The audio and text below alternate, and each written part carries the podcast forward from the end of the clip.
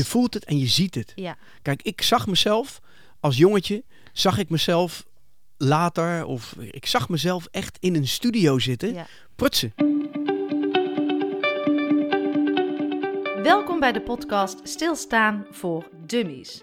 Een rehab voor druktemakers, eerste hulp bij stilstaan. Want het lijkt zo eenvoudig. Maar hoe werkt dat nou eigenlijk stilstaan? En wat zijn de effecten van het hebben van tijd en rust?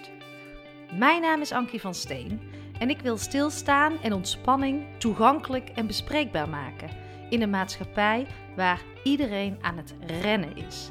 En ja hoor, daar past ook een mooie baan of een succesvol bedrijf bij. En daar wil ik graag een goed voorbeeld in zijn. Als coach en organisatieadviseur help ik jou of jouw organisatie daar graag bij. Nieuwsgierig? Bekijk mijn website www.ankievansteen.nl of volg mij op Instagram. Want onze kijk op werk en de manier waarop we leven is fundamenteel aan het veranderen. Het kan zo anders, zoveel mooier en zoveel gezonder. Wat laten we veel stuk gaan door drukte, door hebberigheid en door onze ikkigheid. Ik gun iedereen meer rust en ontspanning. Tijd voor zichzelf, omdat we dat gewoon waard zijn. En het mooie is, je gaat er ook nog eens meer mee bereiken. Via mijn podcast deel ik heel graag toffe en inspirerende verhalen over wat het hebben van simpelweg tijd kan betekenen voor jouw persoonlijke ontwikkeling, jouw gezondheid, je leiderschap, jouw werk, relaties, opvoeding en nog heel veel meer. Van experts krijg je hele praktische inzichten en tips. Zie deze podcast maar als één grote menukaart en kies het gerecht uit wat bij jou past.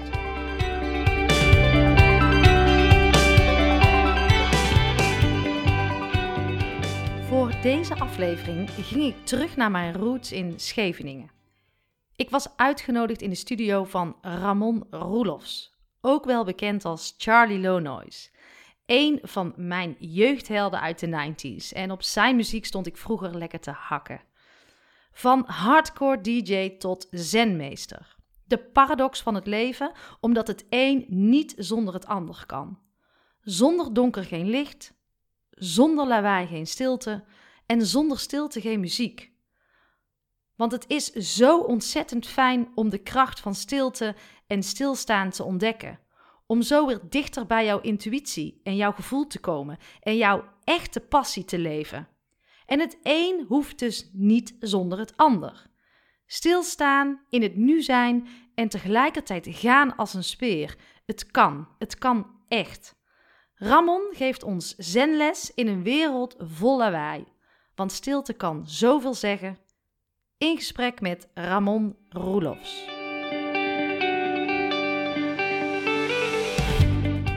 Vandaag ben ik in Den Haag in Scheveningen. Mijn oude roots, Ramon. Ja, je zei het net al. Superleuk. Ja, hotelschool. En eh, vroeger fietste ik op een fietsje van de Rotterdamse straat richting, eh, richting de haven. En dan ging ik eh, werken bij Lemongrass of de Pasta Company. Dus het is ook fijn om weer hier te mogen zijn. Wanneer was dat in, dat je in, bij Lemongrass werkte? Ja, dat is. ik heb hier gewoond van 99 tot 2005. Oké. Oké, in die periode heb ik geloof, geloof ik nog nooit gegeten. Wel daarna. Toen heb je nog nooit gegeten. Nou, daarna wel. Oh, daar bedoel je dan? Bij Lemongrass. Ja, na, de, na 2005. Ja, was een leuk teentje. We hebben veel plezier eh, Mhm. gewerkt altijd. En ehm, als het goed is gaan we vandaag een beetje zenles krijgen in een wereld eh, vol lawaai. Mhm. Fijn om hier te zijn. Ik heb er echt lang naar uitgekeken. Ja, leuk. Superleuk. Ik kom Ja. even ietsje dichterbij ja, zitten. kom bij me zitten. Ja, want eh, de bank is wel een beetje erg ver weg. Zo, Ja? dit is beter. Zit je goed? ja, ik zit helemaal goed. En dan begin ik altijd in mijn eh, podcast van hoe is iemand op mijn pad gekomen. Ja. En eh, ik was vooral voor mijn podcast, waar ik eh, een project waar ik superveel liefde in steek, was ik ehm, vooral had ik mezelf voorgenomen om daar niet te, ja, moet ik dat zeggen, te veel te zoeken, maar gewoon eens te kijken van wat komt er op mijn pad, wie komt er op mijn pad en niet te geforceerd daarin van ik moet, ik moet, ik moet. En eh, ik zat op de fiets en in één keer popte jij op in mijn gedachten. Nou, wij kennen elkaar totaal niet. Ja, vroeger heb ik op je muziek eh, lopen hakken. Hakken. Maar eh, ik, toen dacht ik, nou, ik ga dat, ik ga, ehm, tenminste, je popte op en dezelfde avond kwam je ook voorbij op mijn tijdlijn. En ik volgde jou niet, maar jij kwam bij Charlotte Labé voorbij in een van haar stories. En eh, toen dacht ik, ja, hoog in de energie is actie. Synchroniciteit. Ja, dat is het echt volgens Ja. mij. En wat bedoel je daarmee? Nou ja, synchroniciteit is dat eh, op het moment dat, eh, dat je denkt aan iemand of eh, dat je iets ziet van iemand of dat je bijvoorbeeld, nou ja, het belangrijkste voorbeeld is wel van de roze olifant. Weet je, zegt van denk niet aan roze olifant, dan ga je er juist aan denken. Ja, Ehm, dus ja, synchroniciteit is voor mij iets waar, ik, ja, waar ik wel heel erg in geloof ook. En wat echt wel gewoon werkt ook. Van, ehm, ja, dat je dat ook moet, eh, moet zien, zeg maar. Van eh, als je, ehm, als je een, eh, een blauwe BMW hebt gekocht, dan plotseling zie je overal blauwe BMW's rijden. ja, ja. Ja. Ja, ik, ik, ik, bij mij was die heel sterk bij jou. En ik heb daar sinds een paar maanden aandacht voor dat synchronisch... Ik kan het niet eens uitspreken. Syn- synchroniciteit. synchroniciteit, Ja. dat dat eh, bestaat. En Ja. ja. jij kwam voorbij en toen dacht ik, nou, volgens mij moet ik nu reageren. Heb ik gedaan via eh, een bericht. Jij was lekker op vakantie toen in Ja. buitenland volgens mij, reageerde daarop. En ehm, ik wist ook helemaal niet dat jij een boek geschreven had. Oh, Eh, dat kwam toen allemaal voorbij, dus nog net voor de vakantie. Boek gekocht en eh, ja, echt waanzinnig. Ik herkende daar heel veel in al. leuk. Nou, goed om te horen. Ja, daar gaan we Ja. het zeker over hebben. En eh, ik begon eigenlijk al meteen bij jou. eh, het was jouw voorwoord, dat had Michael Pilacic geschreven. Ja. En die moest ik al twee keer lezen. Gewoon Oh, niet ja. om niet te begrijpen, maar omdat ik dacht, wauw, dan ga ik er meer van. Nu snap ik het en Ja. eh, dit is wat ik wil lezen. En om daar maar meteen bij te beginnen. Eh, de zin die mij aangreep daarin was van hardcore DJ tot zenmeester. Ja. De paradox van het leven, omdat het een niet zonder het ander kan. Ja. Zonder donker geen licht, zonder lawaai geen stilte en zonder stilte geen muziek. Ja. En voor mij was die, ik ben heel lang in mijn zoektocht, nou ja, of transformatie of hoe je dat dan ook mag noemen, spirituele reis, Mhm. Vond ik het best wel moeilijk. En dat waren twee dingen die ik daar heel erg moeilijk in vond. Dat was dat ik op een gegeven moment dacht, bestaat er wel een en-en? Moet ik niet helemaal die andere kant op? En de andere die ik had, is dat ik op een gegeven moment niet meer voor of achteruit kon. Dat ik dacht, ja, maar waar ik vandaan kwam, dat wil ik niet meer. Maar ik weet ook niet waar ik naartoe wil. Ik snap het. Ja, je zat in een soort van eh, vacuüm. Ja, Een soort vast... eh, ja, herken ik heel goed. En, en heb je dat bij jezelf ook gehad in die fase? Ja, zeker. Ik heb ook een tijdje heb ik in een soort eh, vacuüm gezeten. En eh, dat was op, op het moment dat ik dacht dat de stilte en dat eh, de, de meditatie, dat dat zeg maar alles was. Ja, En dat de dynamiek, de, de dynamische DJ, dat die op een gegeven moment op een zijspoor verdween. En ja, ik, ik was zo ver weg ge- afgedwaald zeg maar, van mijn eigen pad. En welke periode praten we dan over? Eh, dan praten we over de periode van 2006, denk ik, tot ongeveer eh, 2013. Oh, dan Dat is best wel een lange periode. En ehm, weet je, het is, kijk, ik, ik, ik kwalificeer het ook niet als een eh, periode die slecht was, want ik heb daar heel veel geleerd. Mhm. Ehm, dus, ehm, maar vooral ook zeg maar dat, kijk, laat ik het zo stellen. Mijn, mijn zenmeester die zei altijd van, als je op een gegeven moment vast komt te lopen, kan je twee dingen doen. Je kan of hetgeen wat je altijd deed nog veel beter gaan doen, ja. of je gaat totaal iets anders doen, wa- waardoor je weer out of je comfortzone komt en iets nieuws gaat leren. Mhm. Eh, en dat laatste, dat heb ik dus gedaan vanaf 2006. Van 2005 had ik een sabbatical genomen van mijn DJ-bestaan. Ik reisde, eh, nou ja, vanaf 1991 tot en met eh, 2004 ben ik echt de wereld over gereisd. ja. Eh, echt van, van ehm, nou ja, weet je, dat was gewoon ieder weekend gewoon... eh, twee- Aan. Ja, gewoon aan, weet je. En geweldig. Ik heb echt genoten. Mhm. En daar geniet ik nog steeds van. Kijk, nu is corona, dus nu is het wat lastiger. Ja. Maar eh, ik geniet van de dynamiek. Ik vind een dynamisch leven naast die stilte, hè, vind ik geweldig. Dus met andere woorden, wat Michael zei in zijn eh, ehm, eh, in het intro, in het voorwoord van mijn boek. Dat is gewoon waar het leven over gaat. Het leven gaat niet alleen over in stilte zitten op een berg. Nee. Als je dat wil, dan moet je dat zeker doen, wat mij betreft. Eh, het gaat ook niet alleen maar over als een malle de wereld over reizen en als DJ. Als je dat ook alleen maar wil doen, dan moet je dat zeker doen. Ja. Dus ik, ik veroordeel het niet. Ik heb het allebei gedaan. Mhm. Maar voor mij is er een middenweg. En die middenweg, dat is voor mij... ehm, s morgens vroeg even lekker op mijn kussentje zitten. Eh, zet ik de deuren van mijn, van mijn tuin zet ik wagenwijd open. Dus van mijn, van mijn huis, dat ik zo de tuin, die frisse lucht binnenkrijg. Lekker. En dan zit ik even lekker een, een eh, kwartiertje, 20 minuten, zit ik even lekker op mijn kussentje. Alleen maar ademen, rechte rug, allerbelangrijkste. Zodat die energie flink kan doorstromen. Mhm. En dan, ehm, ja, dat is voor mij gewoon lekker. Maar dan begin ik ook de dag weer met de dynamiek. Pak mijn fiets, rijd ik hier naartoe, naar de studio toe. Nou, toevallig vandaag dan met jou een, eh, een afspraak. Maar het is gewoon heerlijk om ook die dynamiek te voelen in het leven. Ja, en dat is denk ik wat ik... Ik heb ook een sabbatical genomen. Ja. Vorig jaar, eigen bedrijf, tien jaar lang beuken. Ja. Dacht ook altijd dat eh, alles draait om veel geld en hard werken. Stress die ik in mijn lijf niet herkende, maar ook vooral niet erkende. Ja.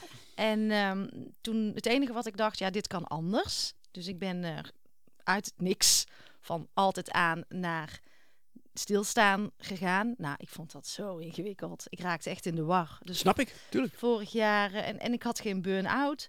Maar ik dacht, het moet anders. Dat stemmetje hoorde ik dan nog wel van wat ik van innerlijke stem had op dat moment.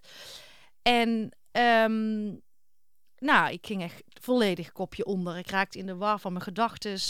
ik schaamde me ehm, omdat ik nog zo vast zat aan dat hard werken patroon. En daar dus ook heel mijn identiteit aan Leende. ja, Ja. en eh, achteraf denk ik, nou had ik ook maar een, eh, een zenmeester of eh, ik heb vijf keer een coaching gehad. Maar achteraf dacht ik, nou als iemand met mij het laatste, het laatste half jaar van 2019 had meegewandeld, dan was het wel even lekker geweest. Ja. Ik heb het alleen gedaan, ver, en, en ik ben blij waar ik nu ben. Maar ehm, ja, vooral dat ik dacht, oh, nou word ik wel helemaal die stille Ankie. Terwijl ik toch eigenlijk altijd die drukke vooroplopende Ankie was. Mhm. En, ehm, en nu vind ik het heerlijk, inderdaad, wat jij zegt, om gebalanceerder te leven. En dat is ook wat ik bespreekbaar en toegankelijker wil maken voor organisaties. En ook voor, eh, ja, voor iedereen eigenlijk. Want Ja. jij zegt ook, het is gewoon heerlijk. Het een kan samen met het ander. Ja, en eh, de drager van muziek is ook de stilte. Ja, mooi dat je dat zegt. Ja, weet Licht je, de- de drager- toe. Sorry? Licht eens toe. Nou ja, wat, wat voor mij zeg maar eh, de, de drager van alles is, dat is datgene wat we niet kunnen benoemen. Eh, en we geven er woorden aan. En eh, daar zijn zoveel oorlogen uit ontstaan. Dat liever geef ik er ook helemaal geen woord aan. Maar datgene wat, wat dit draagt, dus ditgene wat wij doen hier, het leven zelf, Mhm. dat is een onnoembare energie. En eh, dat is een, een, een, een, een. Kijk, de energie in mij, ik zeg het heel vaak ook, de energie in mij is precies dezelfde energie die het leven in jou schenkt. Mhm. Dus wat, wat er in mij zeg maar zit, wat deze vorm Ramon maakt, Ja, dat zit ook in jou. ja, Maar dat zit ook in een boom. En dat Ja. zit ook in een plant. En in een kind. En in een dier. En dus die energie, daar contact mee maken, dat is voor ons niet te vatten. nee. Maar dat is een stille energie die we nooit zullen, zullen in, in zijn totaliteit zullen snappen. Mhm. Want we snappen niet waar we vandaan komen. We snappen ook niet waar we naartoe gaan. Dat zullen we nooit weten. Nee, Wat we wel weten is dat er hier en nu, op dit moment, een energie zich ontwikkelt. Ja. Dat die zich eh, wil, eh, wil uitdijen Mhm. in de vorm van, van, van leven. Van, van, eh, in wat voor vorm dan ook. Of het nou een heel minuscuul klein vliegje is. ja, Of dat het een hele grote dinosaurus was. Weet je? Dus dat leven is hier altijd. Dat is die universele kracht die we allemaal Ja, in ons dus we dragen. staan in principe allemaal met elkaar in verbinding. Ja, het is hier. Je ziet. Kijk, Ja. je hoeft niet te weten eh, hoe het heet. Maar je kan het alleen maar ervaren ook al door, door zo samen hier te zitten. En ja, te ervaren dat we samen kunnen praten. Dat we samen kunnen stil zijn. Dat we samen kunnen, eh, kunnen lopen. ja. Dat we... En jij zegt ook, dus in stilte kan je daar veel beter contact mee maken. Ja, zeker. zeker. Ja. In stilte maak je zo mooi contact. Bijvoorbeeld door, nou, dat noemen ze dan meditatie. Mhm. Eh, stilzitten op een kussentje, je rug recht. En dan plotseling ga je ervaren dat je hart klopt. Ja, ja, Je gaat ervaren dat je ademhaling gewoon doorgaat. ja, En dat die van heel snel boven, dat die naar heel langzaam en diep onder zakt in je buik. Je gaat ook merken dat je, dat je, je darmen werken. En dat, dat je daar niets voor hoeft te doen. Nee. Dat gaat gewoon. Weet je, wij denken dat we het allemaal kunnen maken. En dat het, natuurlijk kunnen we heel veel op dit moment. Maar er is iets dat niet maakbaar is. Ja, prachtig. En dat is ook heel mooi, eh, mooi verwoord. En ja, ik kwam er dus ook achter door meer in stilte te zijn, dat ik dus ook veel meer contact ging maken met mijn. ja, alles ging eigenlijk cognitief Mhm. in die periode, tien jaar lang. En dat ik gewoon weer verbinding maakte met mijn eigen hartje. En dat vond ik zo prettig om te ervaren. En als ik dan ging wandelen, dan dacht ik, hé, hey, hoor ik nou een vogel fluiten? Ja, En dat zijn klein, hè, zie ik nou dat blaadje bewegen. En dan ging in het begin nog even, ah, hou op met dat zweverig gelul, weet je wel. Van, ja, ja. want ja. ik kwam het egootje weer. eh, en nu geniet ik daar zo van. Ja, En het is zo mooi dat, ehm, ja, ik gun het gewoon meer mensen. Om dat, om dat te kunnen gaan eh, ontdekken. mooi. Ja, en veel van onze luisteraars die kennen jou ongetwijfeld uit de jaren 90. Ja. Die happy hardcore.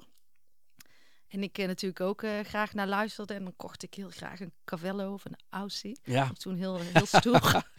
ja en eh hak op jouw muziek in het, het, volgens mij heette het Zolderke in het dorp waar ik toen woonde. En ehm, als jij jezelf nou aan de luisteraars zou mogen voorstellen.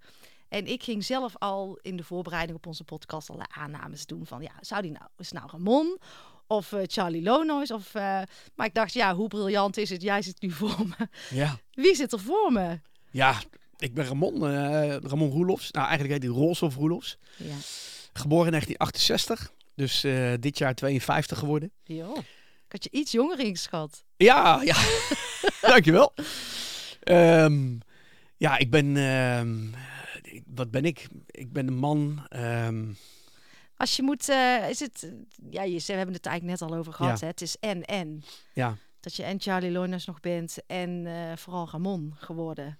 ja, zeker. Weet je, kijk, ehm, het is ook maar een rol hè, die je speelt. De rol van de DJ. En eh, als ik een podium opstap, dan switch ik zeg maar van de, van de rol Ramon naar Charlie Lonois.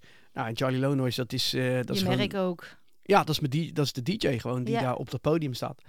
Ehm, dus ja, het is gewoon een rol, gewoon een masker. Ja, precies. En eh, Ramon zit hier voor me. Ja, zeker. En eh, als ik opsta en ik kan ook wel keer Charlie zijn hoor, dan moet ik even een andere pose aannemen. en Dan ben ik één keer Charlie. mooi, mooi. Hey, en in mijn zoektocht, eh, in, in de podcast die ik dan heb, Stilstaan voor Dummies, stel ik mezelf regelmatig de vraag... ehm, wat moet er nou gebeuren voordat mensen in zo'n soort transitie raken? En bij mij was het dan mijn sabbatical. En ik ben er wel een beetje achter dat er vaak een pijn of een heel sterk verlangen moet gebeuren. Wil jij wat bewuster naar binnen gaan als persoon? Herken je dat? Zeker. Ja, ik, eh, mag ik er wat over zeggen? Ja. Ja. Nee. nee. Natuurlijk. Ja, ik denk dat, eh, dat verlangen misschien niet het juiste woord is. Ik denk dat behoefte het eh, juiste woord is. Behoefte. Mhm. Ik, we hebben heel veel verlangens en daar sturen we onszelf heel vaak achteraan. Ja. waardoor we wa- waarschijnlijk opbranden.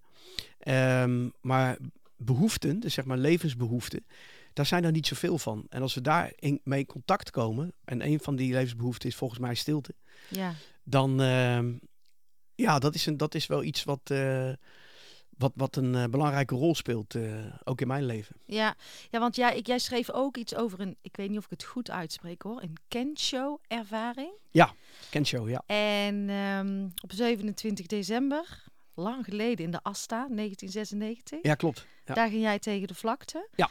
Is dat dan die noodrem of is dat meer een behoefte zoals jij ernaar kijkt? Wat, wat, wat gebeurt er daar dan met jou? Nou ja, het leven zelf greep in. Ik bedoel, ik had eh, al jarenlang had ik eh, allerlei dingen genegeerd in, eh, in mijn lichaam en vooral ook emotioneel. Mhm. En daardoor zat ik gewoon helemaal vast. En op een gegeven ogenblik toen zei het leven van als jij het niet doet, doe ik het. Ja, Dus nou, toen kwam de man met de hamer langs en die, die zorgde ervoor dat ik op die bewuste dagavond ehm, tegen de vlakte ging eh, Ja. in de Asta hier in Den Haag. ja. Nou, en dat was, ehm, eh, ik kom zo terug op dat Kenshow wat je dus eh, Mhm, aan wilde mhm. halen. Mhm. Dat ik daar, toen dan lag ik daar op de bühne, naast de bühne en ik was niet oud. Ik kon alles nog volgen. Nee, dat las ik, ja. Ja, dus, dus ehm, maar ik was blij dat ik daar lag. Iets ja, in mij was blij. dankbaarheid ook wel. Ja, dankbaar dat er iets was wat aan de noodrem had getrokken. En ehm, ja, dus op dat moment toen eh ging ik naar het ziekenhuis en ehm, ja, ik weet nog dat ik daar bij die arts op die bank zat en ik za- zat gewoon te lachen, weet je wel. Van, eh, Ja. wat is er nou gebeurd allemaal, weet je. Ja. gewoon, eh, Dus je was echt bewust daar ook gewoon eigenlijk bij. Dus ja, ja, ik was daar gewoon bewust bij. En Mhm. toen zei die arts van, nou, je bent gewoon oververmoeid, je hebt geen burn-out of zo. Je bent oververmoeid, je moet even rust nemen. Ja, zei, ja, dat is wel lastig. Ik zeg, ik ben een jaar van tevoren uitgeboekt. Het was gewoon niet die toptijd. ja. Dus toen ehm, heb ik drie weken pauze gehouden en ik ben gewoon weer eh, gaan optreden. Ehm, dat was in 96. En in 98 kwam mijn stiefvader te overlijden. Dat was een moment voor mij dat ik, eh, ja, dat, dat, daar had ik onwijs veel verdriet van. Mhm. Ik hield onwijs veel van die man. Hij heeft me heel veel geleerd.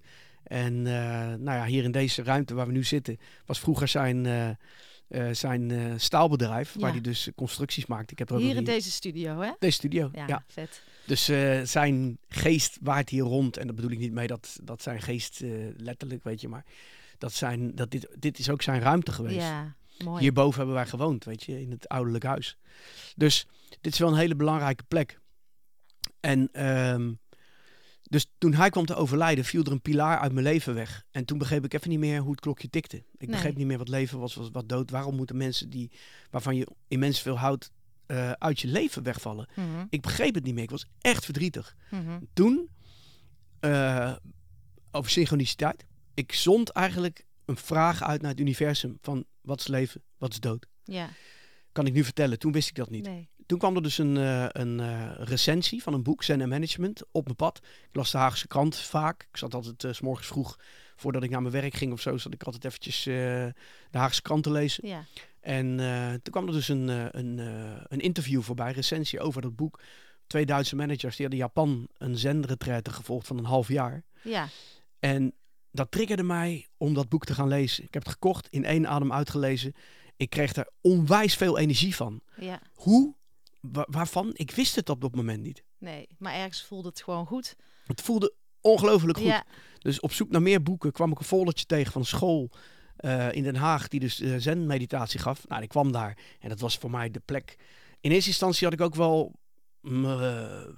ja, had ik ook wel gedachten van, ja, wat ga ik nou doen? Ga ik mediteren en ja eh, blokkades en zo van, wat ga je nou doen? Weet je wel, gek hier zo. Ja, Maar eigenlijk achteraf gezien was het juist de plek om te zijn. Want zen kan ook heel rigide en heel dogmatisch zijn. Maar deze man zat gewoon met lange haren daar zo. En die benaderde het leven vanuit de, of de zen vanuit de Haagse cultuur. En eh, ik zat daar Oh. gewoon eh, met dertien andere mensen. En dat was gewoon, ja, het voelde moeilijk om stil te zijn. ja, Maar iets, ja, zorgde er ook voor dat er een soort van moment van herkenning was. Wat ik al heel lang niet had gevoeld. Ja. En dan kom ik terug op de Ken Show ja, ehm, een, een, een sprankel van het moment wat ik dus had ervaren op de bühne, van die stilte, van het Mhm. loslaten, mhm. dat ervoer ik daar zo tijdens die eerste meditatie. Wat later, een jaar later, toen ik toe was aan mijn nieuwe ervaring, een eh, wat nieuwere uitdaging, ja. ging ik een heel weekend zitten in een klooster. Oh ja, Nou, en daar viel bij mij het kwartje. Een heel weekend in stilte. En juist, zeg maar, eh, door te worstelen met jezelf, de pijn te voelen in je benen, in je rug, ja, eh, en op een gegeven moment te zeggen van ja, ik weet niet wat ik hier aan het doen ben, maar ik sta op. Ik ga lekker naar huis toe. ja, Vlak voordat ik op wilde staan en naar huis toe wilde gaan, toen kwam weer datzelfde moment voorbij. Wat ik had ervaren toen op de bühne. Alles viel weg. Er was alleen maar spontaniteit. Er was vertrouwen. Er was eh, blijdschap. Eh, de vogeltjes klonken heel dichtbij. De aap op mijn schouder was stil. ja. En dat noemen ze een kenshow. Ken je ook Moment. wezensblik? Wie ben je? Wie, wie ben je? Ja. Zonder al je bagage, je ideeën, je, je hele shizzle. Dus Wie ben echt je nou loslaat. Ja, Wie ben je echt? ja. En daar ligt het niet weten. Dus zeg maar, de, de stilte is de drager van alles. mhm. En dat is wat je, wat je dus ervaart, zonder woorden. Je Ja. ervaart gewoon. Ja, ja, prachtig. Ik, eh, ik, ik, ik had heel vaak ook in, in de eerste periode van mijn sabbatical dat ik zei, had ik maar weer iets. Ik zat heel erg, ik wilde alles vasthouden. Ik wilde Ja. weer werk in de toekomst hebben. Ik, eh, ik kon het niet loslaten. En soms denk ik wel eens als je controle, ehm, de behoefte om controle op dingen te willen hebben kan loslaten. Dat vond ik zo'n fijn moment. Ja. En toen kwam die corona erover overheen. En toen dacht ik alleen maar, oh fijn, ik heb al mogen oefenen. Ja. Jij maakt mij niet meer gek, eh, corona. Ja, En toen dacht ik, ja, nu moet ik opstaan om iets met mijn lessen te doen mooi. na een ander. mooi dat je dat zegt. Ja, dat had ik heel sterk. Toen corona kwam, dacht ik, ja, ik heb nu wat te doen hier. Geweldig, maar het is zo mooi. Ik herken dat precies. Ja? Ik dacht precies hetzelfde. Ik dacht van ja, dit is een les voor de wereld. Ja. Alleen ik heb dit al zo vaak gedaan. Voor mij was het heerlijk. Ik dacht van, ja. ik heb vorig jaar zo'n druk jaar gehad met die tour met Theo samen. Oh ja, jullie hadden natuurlijk weer getoerd. Ja. Ja, joh, en ook mijn- mijn boek wat eraan zat te komen. eh, alles wat, wat nog eh, in de pipeline zat. eh. dus ik dacht bij mezelf, dit is een cadeau. Ja. Die stilte, heerlijk. Ja. ja, zo heb ik hem ook echt ervaren. En ik raakte niet in paniek. Ik dacht alleen maar, nou, dan heb ik eh, nu een Opel in de garage staan. Want hij kwam direct na mijn sabbatical. Dus ik was net weer aan het opstarten. Ik had heel de business omgegooid. En eh, ja, toen, toen kon ik nog niet vooruit. En toen dacht ik, nou, dan zetten we een Opel in de garage. En dan rijden we er met een Ferrari uit. en die podcast had ik tijd voor. En, ehm, maar dat voelde ik zo intern. En wat- ik, jij schrijft ook in je boek heel vaak van...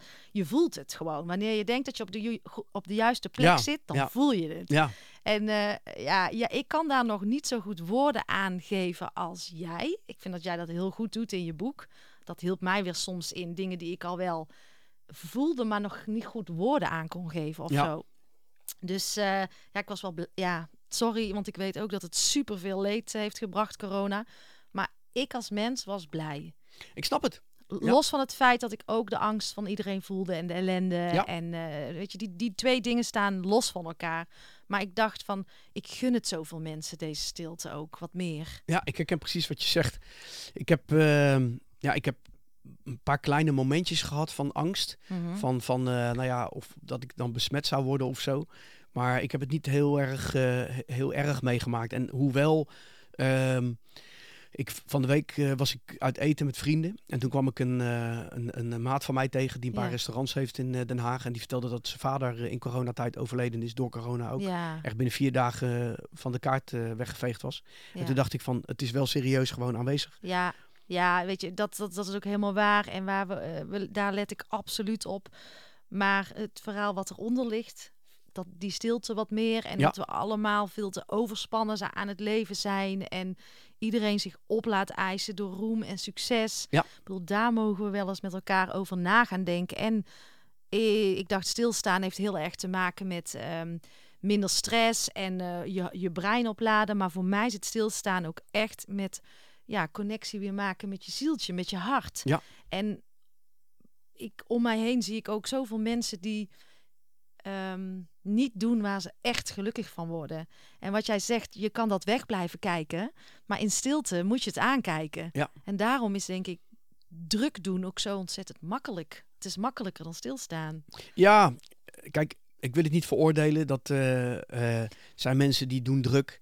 En eh, daar, daar leer ik ook heel van. Ja, absoluut. Ik ook. Ja, weet je, en die, goed of slecht. ze, volgen hun, eh, ze volgen hun droom, hun passie. En ze, ze leven een heel druk leven. Ze doen druk op een podium of wat dan ook. Mhm. Eh, ik heb daar respect voor, want eh, ik zie ook wel dat daar een soort van, ja, dat dat, dat dat hun bezieling is. Ja, Ehm, maar het grappige is dat bijvoorbeeld, ik, moet, ik krijg het beeld van Theo, van, eh, van mijn maatje krijg ik voor hem, van Mental Theo. ja. Eh, ik sprak hem eh, tijdens de 013. We deden in Tilburg in de 013. Dat Hadden we- bij mij. Ja, hadden we de Charlie Loners Mental Theo Experience. En dat was in de coronatijd. Dat is Mhm. alles, alle mensen die daarbij aanwezig waren op han- anderhalve meter. Oh ja, 80 mensen. ja. En daar gaven we een soort van, eh, ja, we, we hebben daar met de mensen gepraat. Wij stonden op het podium, we draaiden wat plaatjes. We vertelden wat over onze, over onze begintijd. En het grappige was dat Theo, die kwam naar me toe voordat we begonnen. En toen zei hij, Ramon, ik begrijp nu wat jij bedoelt met stilte. Wauw. Want ik heb vastgezeten op Mallorca, in Spanje. was natuurlijk een lockdown daar zo. Hij zegt, ik begrijp wat jij bedoelt met sabbatical. En Ja. met, met, met stilte Ja, Hij zegt, ik weet niet wat ik mijn hele leven heb gedaan. Ja. Zo, in zulke, ongeveer in zulke woorden zei hij van...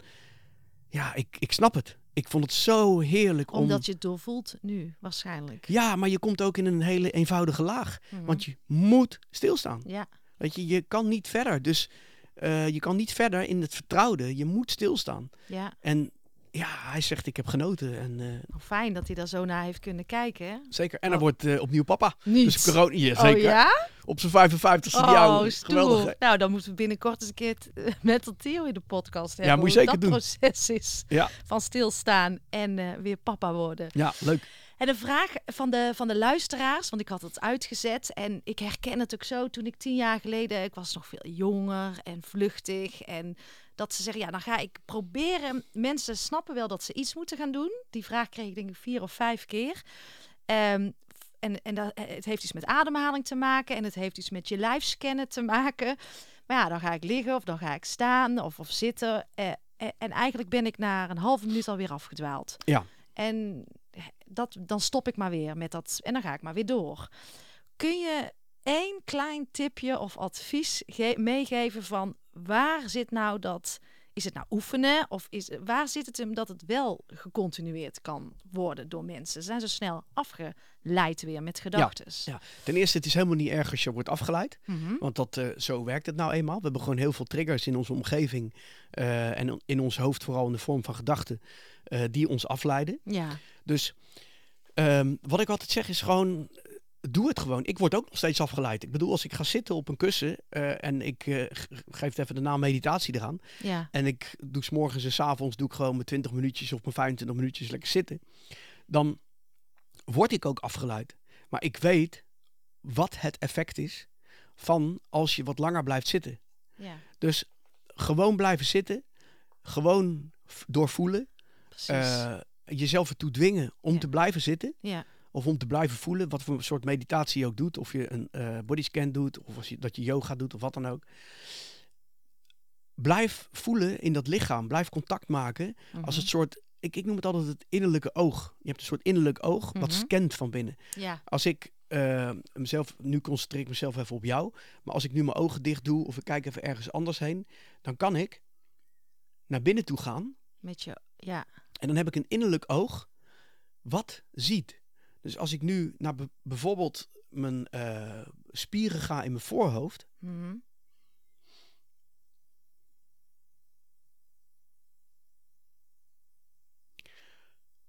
Dan leg ik daar contact mee. Mm -hmm. En automatisch worden ze zachter. Dus alles waar je je aandacht op legt, krijgt liefde. En ja. wordt dus zachter. Ja. Dus wat ik altijd doe, is ik ga zitten. Ik uh, zit op een kussentje of op een stoel of wat dan ook. Ik doe altijd mijn rug wel recht. Dat is voor mij een hele goede manier om die energie zeg maar te laten doorstromen. Het heeft te maken met je ruggengraat. Ja. En zodoende uh, merk je dat, dat ook prana op gang. Prana is het, het duur woord voor levensenergie. Ja. Nou, die hele subtiele energie voel je op een gegeven moment gaan tintelen door je lichaam heen. En dat komt door verschillende dingen. Ik bedoel, je kan ook gaan fietsen, dan komt het uh, in uh, mm -hmm. op gang. Je kan yoga gaan doen, je kan gaan wandelen. Ja, precies. Maar stilstaan is het moeilijkste, moeilijkste wat er is. Ja. Dus stilzitten en volg je adem. Ja. Tel je adem. Ja. Wat, wat mij betreft. En kijk naar binnen. Want je had het, dat was ook e-, eentje wat ik, wat ik aan je wilde vragen. Want ik Ja. geloof ook wel heel erg in die kracht van die, van die ademhaling. Ja. Eh, ik zelf ben heel erg de laatste tijd blijft dat maar oppoppen. Van dat ik iets met breathwork wil gaan doen. Ik denk dat je daar heel veel uit kan halen. Mhm. En jij schreef ook. ehm, ehm, ja, ik heb dan vaak nu wat ik al merk, en dat zie ik ook echt bij mensen, hoog in je ademhaling. Dan zit je vooral eh, met je, ben je vooral met je kop aan het werk. En als je in je buik zit, dan kom je al veel dichter bij je, bij je gevoel. Maar jij schreef iets ehm, over de spieren van je, van je hals en nek naar je schouder. Dat je daar al heel erg kan voelen hoe je gemoedstoestemming is. Of je gespannen bent of ontspannen. Ja. Dat is, kun je daar iets meer over toelichten? Ja, je, je schouders, dat zijn, eh, dat zijn plekken die, Mhm. eh, die we ehm, onderschatten. Daar ligt ballast op. Ehm, ik heb het wel eens meegemaakt met een, eh, een training die ik gaf. Dat mensen zaten gewoon te, te mediteren. En ik ging dan langs bij mensen. En ik, het enige wat ik deed was hun aanraken bij de schouders. Ja. Even heel zacht leg ik mijn handen op de schouders. En dan voel je dat die schouders nog een klein stukje naar beneden toe zakken. Ja. Met andere woorden, wat ik ze wil zeggen, ontspan. Het is goed, weet je. Mhm, mhm. Je bent hier nu, ontspan. Ja.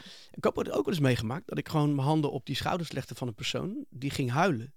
Dus die, waarom, weet ik ook niet precies, maar die voelde gewoon van, wow, weet je, Loslaten. ik mag Ja. ontspannen. Ja.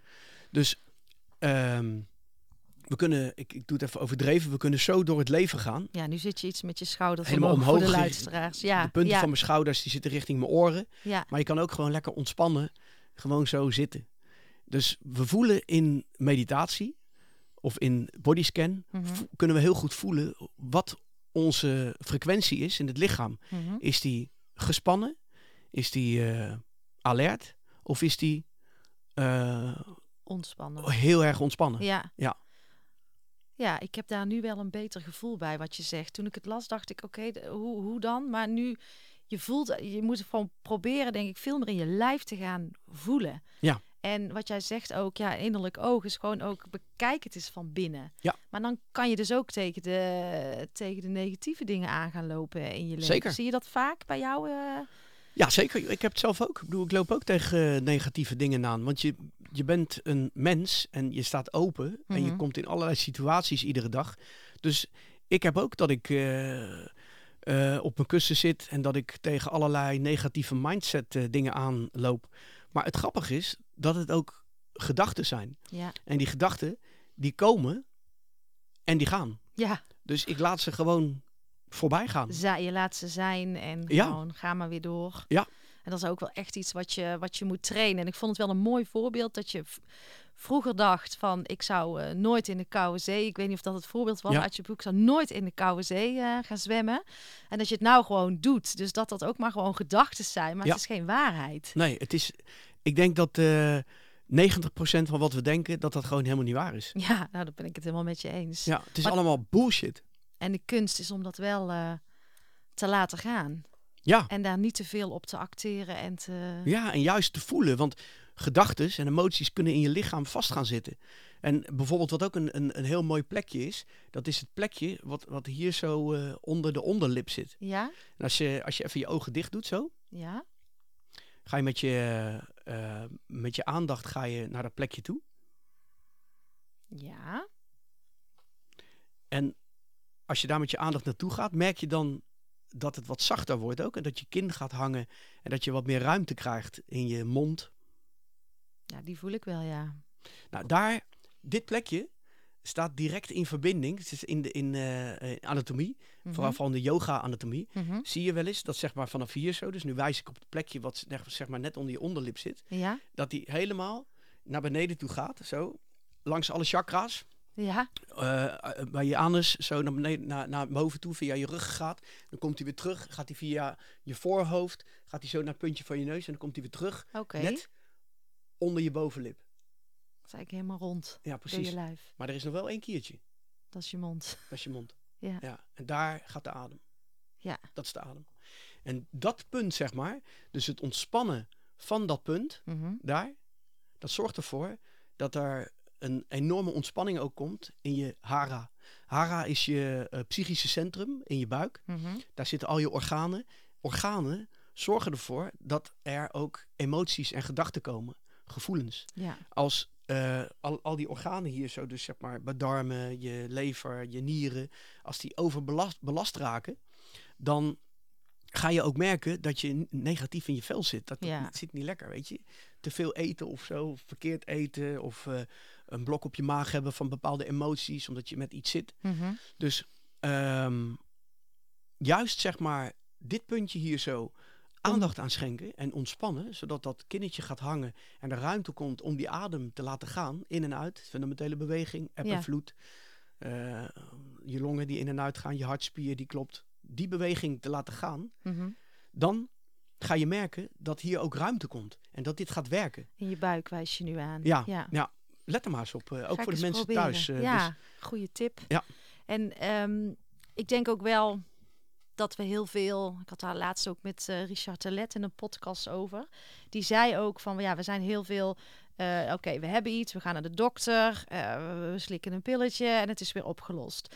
Maar ik ben er heilig van overtuigd dat door heel veel emoties of gedachten die, die jij niet hebt verwerkt in je leven, dat dat ook kan leiden tot ja, uitingen in, in ziektes en eh, wat je, je darmen of weet ik veel wat. En ik zie het altijd, ik, ik, ik zeg altijd, ons lijf, als zijn allemaal rietjes en waar een propje zit, moet je het propje doorblazen. Ja. Want dan word je, kan je ook beter worden. En, en ik ben erachter gekomen dat je in stilte dus die propjes ook aan kan gaan kijken. Mhm. Wat je te doen hebt. En ja, zo had ik in mijn sabbatical eh, ook nog iets op te lossen met mijn vader. Ja, en toevallig brak hij in, in, in mijn sabbatical zijn been. Dan moest ik zes weken bij hem zijn. Wij samen. Zo. Dat was fantastisch. Ja, Ik heb geweldig. nooit, nooit zo'n mooi cadeau gehad. Ik heb mijn vader weer terug. eh, totaal geen... Ja, we hebben alles uitgesproken, maar hij moest de stilte in. Want eh, hij kon niet weglopen.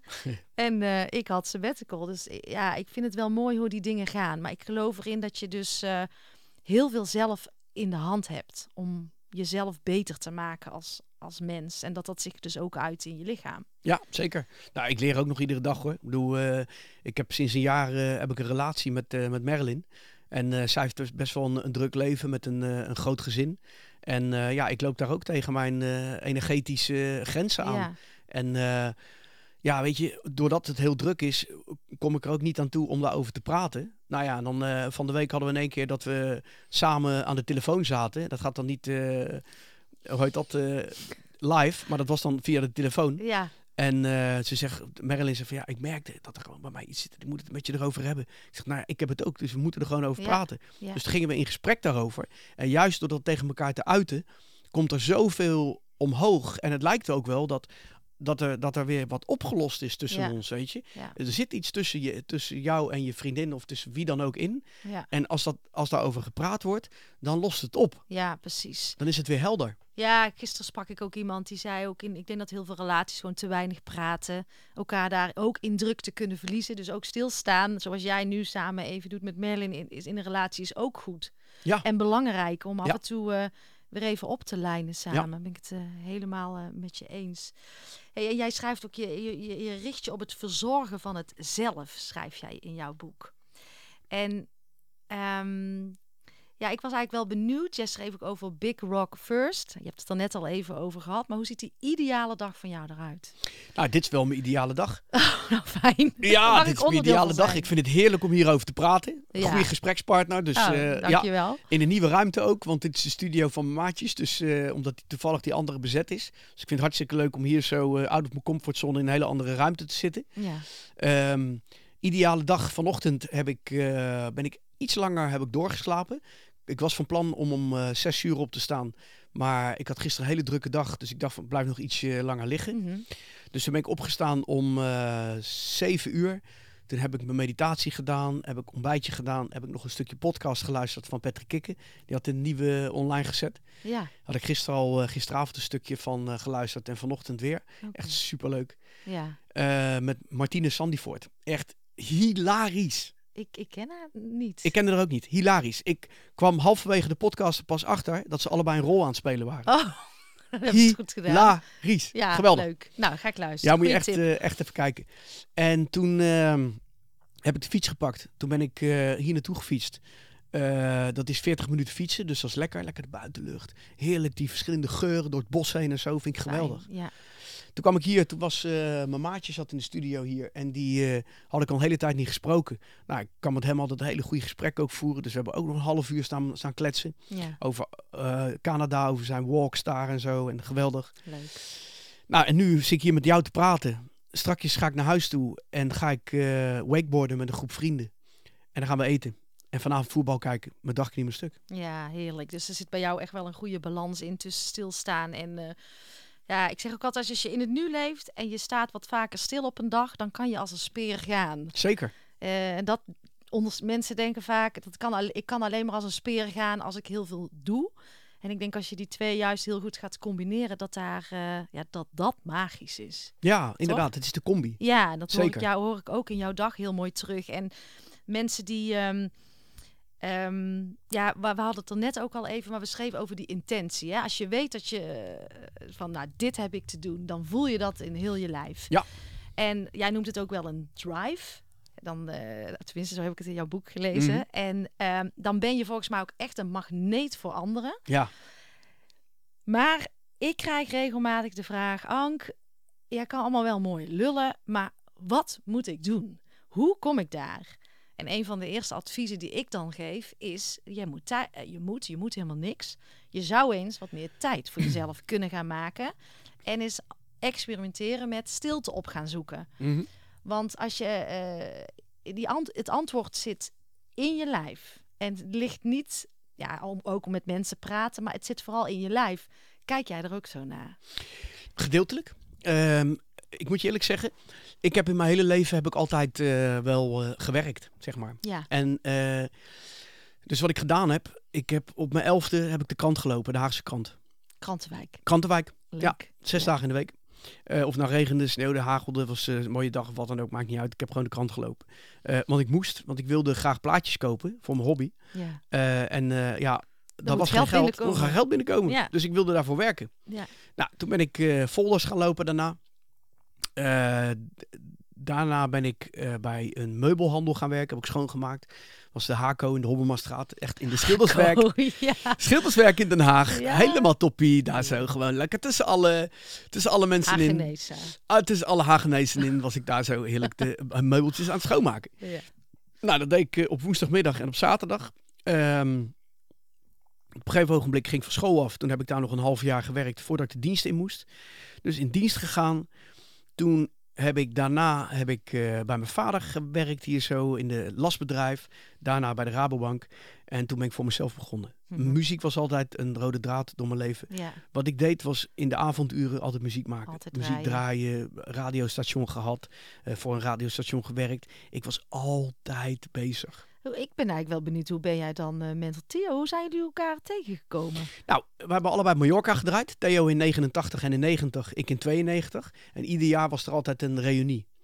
En je eh, Cosmo toevallig? Cosmo Entertainment, al die mensen die daar werkten in Mallorca? Ja, zeker. Mijn nicht Margriet Monen deed daar heel veel in, maar die naam zal jou misschien niet zijn Nee, blijven hangen. Margriet Monen. Margriet Monen. En Isabel van Aarle, die deden daar toen een beetje de leiding van Cosmo. Oké, nee, dat ken ik Nee, niet. ga door. Ga je verhaal. Mallorca. Ja, Mallorca. Dus eh Theo en ik die hebben gedraaid op de Mallorca reunie in 92. Nou, en daar eh, kwam hij naar me toe en zei hij van... eh, ja, jij bent toch die van Rave This Nation en van Speed ja? City? Ja, ja. Hij zegt, en ehm, uit dat, eh, je hebt een eigen studio. eh. ik zeg, ja, eigen platenlabel, eigen studio. Hij zegt, ah, dat vind ik zo vet. Hij zegt, ik kan geen muziek maken. Ik wil het wel graag leren, maar ik heb hele goede ideeën. Zullen we een keer wat samen doen? Ik zeg, ja, is prima. Nou, dat was een superleuke eh, eerste keer dat we samen in de studio bij mij zaten, hierboven.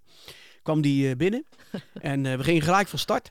En wat hij dus deed, was het volgende. Ik zet even mijn microfoon zet ik neer. Ja, Hij, hij, hij hij gaat deed- nu staan. Hier stonden mijn platen aan de wand zo. ja. En wat hij deed is zijn hand voor zijn ogen, vinger in zijn mond. En zei van, "Mm, ja, met deze plaat gaan we een, eh, een track maken. Dus we sampelden gewoon een, een stukje uit eh, bijvoorbeeld Ellen Foley of eh, uit een of andere Italo of wat Ja. dan ook. En daar gingen we een track mee maken. Nou, en zodoende, ja, voor mij was dat zo'n andere manier van werken. Ik was een heel introvert mannetje en ik Ja. moest alles perfectioneren. ja. Maar hij was heel los. erg van heel eh, pragmatisch, weet je, bam, bam, bam, knallen. Ja, maar dat heeft het succes gemaakt, denk ik, samen. Absoluut. Jullie, de chemie van jullie twee Ja. samen. Ja. En mooi dat hij nu ook weer een stukje meereist met jouw eh, stilte. Dat hij dat Ja. ook beter begint te snappen. Tof. Ik, ik was toen was ik al de, eh, de, de stilte. De, ja. de, de drager van de muziek, Ja. zeg, maar. Ja, leuk. Maar we, had, we gingen even terug naar... Jij was aan het vertellen ik, wat je allemaal voor baantjes had gedaan. En de vraag van mij daarvoor was van, ehm, dat je alleen maar wat je echt wil in stilte kunt Ja. ontdekken. En toen zei jij, jawel, Ja, klopt. en ga verder. Ja, klopt. Ja. En sleutelmoment voor mij was toen ik dienst inging. Ja. Ik eh, werd eh, toen van de muziek afgetrokken. Dus eh, ik ging in mijn hoofd zitten. Ik ging nadenken van, ja, moet ik nou niet wat van mijn leven gaan maken? En eh, moet ik wat gaan leren en zo? Ja, ik heb elektrotechniek gedaan op de MTS. Ja. Ja, misschien met de marine. Dat, eh, marine, ja, ik zag spotjes op tv van de marine. ja. Stap in de wereld die marine heet. Dus ik mezelf opgegeven voor de marine. Nou, Ja. ik werd daar goed gekeurd. Ik had mijn hele leven daar kunnen blijven. Op een gegeven moment de opleiding gedaan en gaan, eh, gaan varen. En toen merkte ik van, dit is niet mijn leven. Nee. Ik wil iets met muziek. Ik kreeg heimwee naar huis. Ja. En juist daardoor, dat ik toen ik zo lang van die muziek afgetrokken werd, merkte ik wat echt mijn drive was. Ja. Wat, wat diep van binnen bij mij mijn passie is. ja, dus toch wel dat voelen. Je voelt je passie. Ja, zeker. Ja, ik, ik, ik wil ook altijd als advies geven.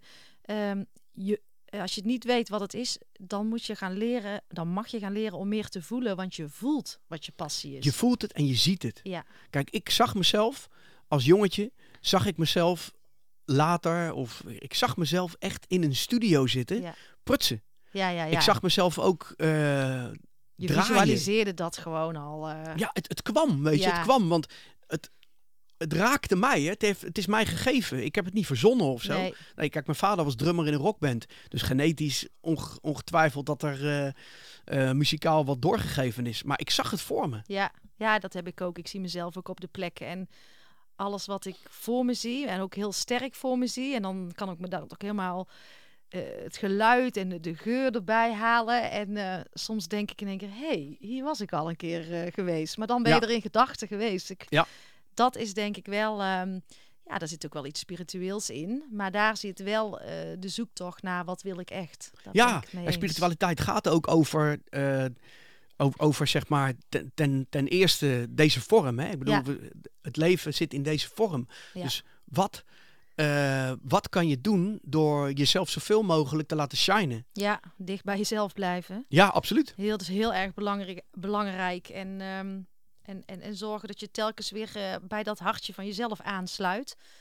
Maar ja, genoeg mensen die wijken ook van hun pad af. Zeker. En dat uitzicht in heel veel lichamelijke dingen. Zeker. Nou, en ik herken het, hè. Ik bedoel, eh, ik, ik herken wanneer ik iemand zie die niet in zijn ja, hum zit. ja, ik, dat vind dat, zie ik. ik zie dat ook. Ik Ja. zag gisteren nog iemand op de sportschool. Die stond naast mij. Toen dacht ik, wow, ik voel jouw stress gewoon. Ja. En ik keek haar aan en heel dat gezicht ook heel gespannen. Maar ik weet dan nog niet zo goed wat ik daarmee moet. Ik laat dat dan maar. eh, soms denk ik, ja, het is ook helemaal niet aan mij om die wereld te verbeteren. Maar hoe ga jij daarmee om als je dat ziet? Nou, een vriendin van mij die, eh, die ziet dat ook, weet je. Die heeft eh Reiki 1 en 2 gedaan en die is Mm. daar ook helemaal in toe. En zij zegt gewoon van, eh, hoe gaat het met je? Ja, ja, ja, En als ze dan zegt van, of hij, ja goed, maar hoe gaat het echt met je? ja. Ja, ja, Ja. is misschien een goede tip. Ik- Ja. Ik, ik, stoei soms nog wel eens met wat ik wel moet benoemen en wat niet. Ja. Dat het ook een stukje zelfbescherming is om dat niet allemaal te dichtbij te Snap laten ik. komen of Snap zo, ik. denk ik. Dan ehm, een vraag kijk, in, in, de, in de house scene en eh, gewoon er is veel alcohol, er is veel drugs, Ja. koffie, thee. Ik krijg net eh, warm water. Want Ramon die drinkt daar geen thee. Ik zei, waar is mijn theezakje? Hij zei, ja, ik drink mijn water altijd warm. maar jij drinkt geen, of jij gebruikt geen drugs, koffie, alcohol. Ehm, hoe kijk je, hoe, maar hoe kijk jij daarnaar? Is dat bewust of eh, is altijd al zo geweest? Nooit gedaan?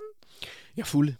Ja, kijk, met drugs, eh, ik heb eh, twee keer een half pilletje geslikt. Hmm. Gewoon om eens te proberen. Dat was toen op Mallorca in 1992. ja, ja, dat is echt lang Gewoon te geleden. proberen, weet je. Ik had toen zoiets van, ja, ik wil het gewoon eens een keer proberen. Van, wat, wat is dat nou? Dat was toen die hype, hè, Ja. die house scene, Ja, en joh. DMA en alles. En, dus ik was zo benieuwd van, ja, wat gebeurt er? Nou ja, dus dat heb ik geprobeerd. Hebben we dat ook weer eh, afgesloten. Hoe lang praten we eigenlijk al? Ja, ik zat even te kijken. 50 minuten, dat is mooi. Ja. En hoe lang wil je doen? ja, ik zat te denken, me- meestal zijn mijn eh, podcasten een uurtje. Ja, ja, dat doe ik ook altijd. Dus, ehm, en toen op een gegeven ogenblik, ehm, ja, koffie, ja, ik raak daar gestrest van. Ja. Ik, en toen heb ik een hele tijd heb ik geprobeerd om decaf eh, te drinken.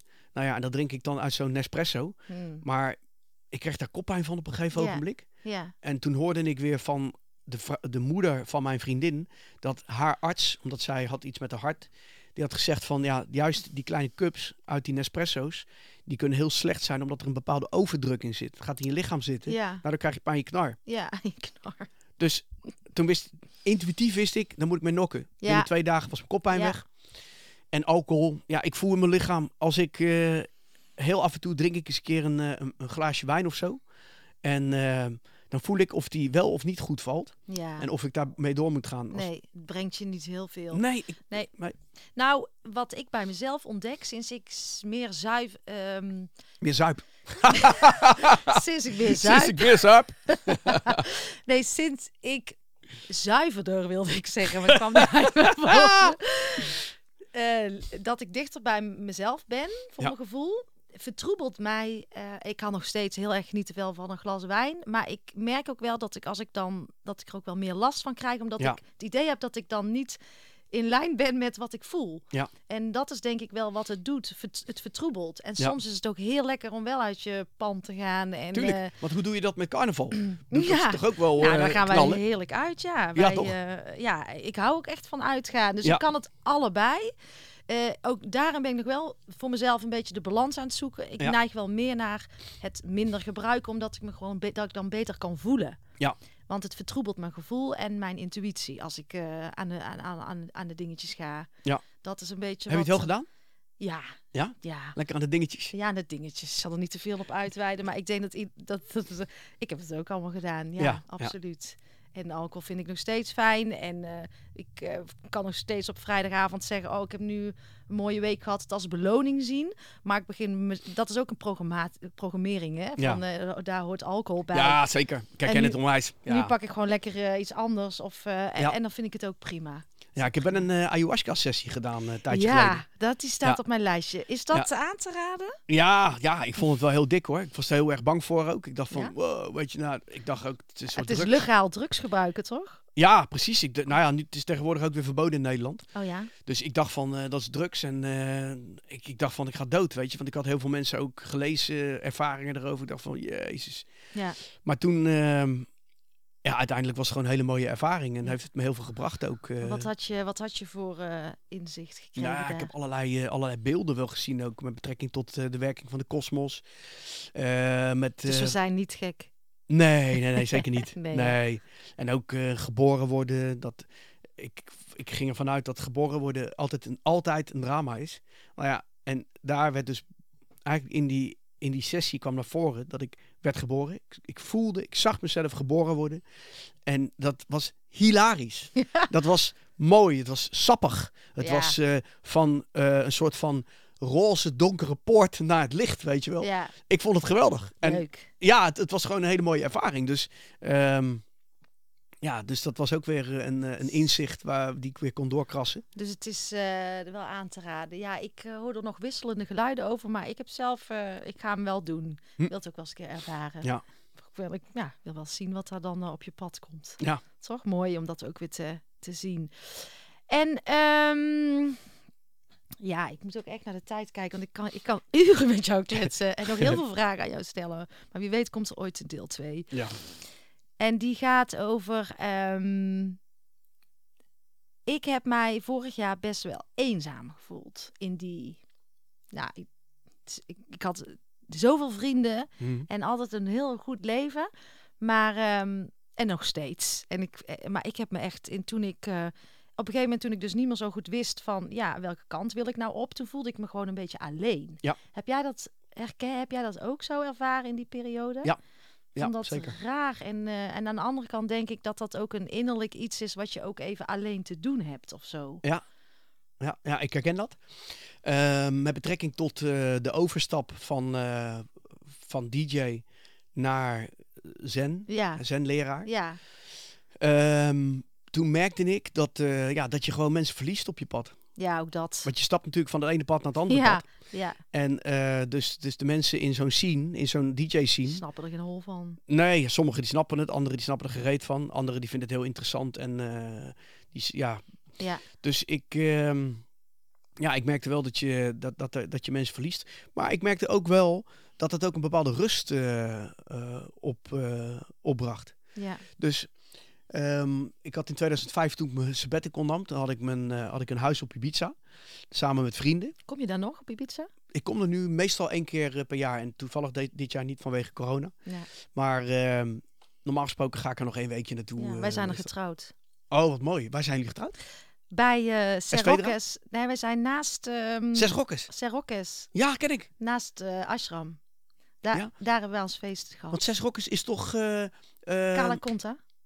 Oh, daar. Oh, daar. Ja, oh ja, nou weet ik het. Ja, wat vet. Ja, was leuk. Vier jaar geleden. Dit jaar ook voor het eerst niet geweest. Maar eh, ja, ik vind het heel fijn. eh, Geweldig. Ja. Ja, geweldig. ja, maar die eenzaamheid, wat je zei, mensen haken af. Ja, dus, eh, dus ik heb ook die eenzaam heb ik, eenzaamheid heb ik wel eens gevoeld ook. Van, zat ik alleen op Ibiza, zat ik mijn, boek te, mijn eerste boek te schrijven. Ja, En toen dacht ik eigenlijk van, wat, wat heb ik eigenlijk allemaal gedaan in mijn leven? ja. En niet zozeer zeg maar met betrekking tot ehm, eh, dat, ik, eh, dat ik me eenzaam voelde op Ibiza, maar dat ik me eenzaam voelde in de rol die ik gespeeld heb tijdens mijn leven. Dus als DJ. Ja, ja. Eigenlijk was ik, zat op hotelkamers en ik was altijd onderweg, vaak wel met Theo. ja. Maar toch ook een bepaalde leegte was daar. Ik snap die helemaal. Snap je bedoel? Ja, ja, ja. Ik heb dat ook altijd gevoeld.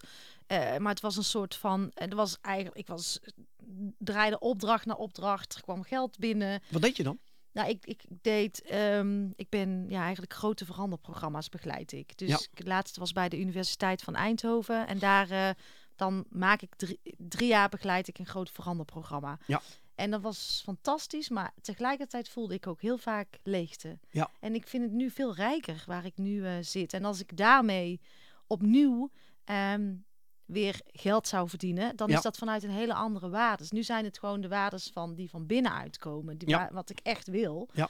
En als daar dan iets, ja, dan is geld een bijkomstigheid geworden in plaats van een doel aan zich, wat Ja. het heel lang voor mij is Ja, geweest. snap ik helemaal.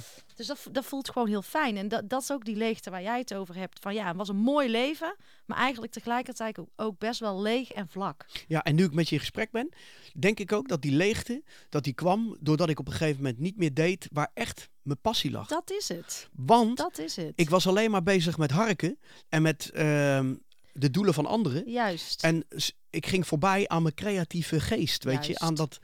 Dat en was dat het. is wat ik zeg, dat je gewoon moet leren herijken weer van oké, zit ik op mijn juiste pad? Ja. En daar is stilte zo eh, Ja. uniek voor. Absoluut. Dus eh, wat, nou ja, Maar dan zitten we op één lijn. toevallig, toevallig zit ik hier ook niet voor niks in, eh, in deze studio. Ehm, wat nou als we richting die afronding gaan, wat zou jij die druktemakers hier in, eh, in Nederland, die luisteraars van, ons nou eens mee willen geven? Als jij één ding zou mogen zeggen, wat, eh, wat, wat zou je hun willen, willen, willen zeggen? Ehm, dat het leven altijd de juiste antwoorden brengt. Is het niet in de vorm van een woord, dan is het wel in de vorm van een gebeurtenis of een ervaring. Ja, prachtig. Dus we mogen volgens mij echt wel wat meer eh, los gaan laten, die controle. Want Ja. het komt toch wel voorbij. Ja. Mooi. We zijn aan het eh, einde, Ramon. Aan het einde. We zijn aan het einde van de tunnel. Dit is ons einde. het is voorbij. we gaan een nog mooier leven leiden. Heerlijk en, eh, dankjewel voor jouw inzichten, ook jouw mooie boek. Als mensen het nog niet hebben gelezen, het heet Zenles in een wereld vol lawaai. ja, dat klopt. goed? Ja, ja. Prachtig boek. Eh, ik vind jou echt goed in het eh, ehm, in woorden geven aan het proces. Hm. Dus dat eh, heb je super mooi gedaan. Dus ik zou zeggen, ga het vooral lezen. Ehm, mij heeft het ook weer heel veel handvatten gegeven, ons Ja. verhaal. Dat het kan daardoor ook weer het verder brengen. Mooi. Ehm, ja, en ik wens toch iedereen eh, een, een goede balans. Waar Ja. het ook even. Het, het kan gewoon prima samengaan. En en het een hoeft niet zonder het ander te gaan. En dan krijgen we een fijner, een authentieker, bewuster en ontspannen leven. Zeker. En ehm, het antwoord op een vraag van eh velen die volgens mij aan het zoeken zijn in deze tijd. Dus dankjewel. Graag gedaan. Wat een fantastisch gesprek. Ramon, dank je wel voor jouw openheid. Zoveel inspiratie in deze aflevering voor een gebalanceerder leven. En wat pak jij hieruit? Wat ga jij doen om jezelf zoveel mogelijk te laten shinen? Doe jij waar je echt gelukkig van wordt? Wat is jouw echte passie? Zit jij op jouw juiste pad? Stilte kan zoveel zeggen. Je moet er alleen naar durven luisteren. En dat stemmetje in jou, dat schreeuwt niet, maar dat fluistert. Het is een vaardigheid die we compleet zijn afgeleerd in een wereld vol lawaai. Want jouw echte passies, die voel je in heel je lijf. Stilte is een snelweg naar geluk. In stilte hoor je alles. Kan ik iets betekenen voor jou of voor jouw organisatie? Of ben je zelf op zoek naar coaching? Laat het me weten, want ik help je graag. Op mijn website www.ankievansteen.nl vind je mijn programma's en aanbod. Of volg mij op Instagram of LinkedIn gewoon onder de naam Ankie van Steen. Tot de volgende podcast.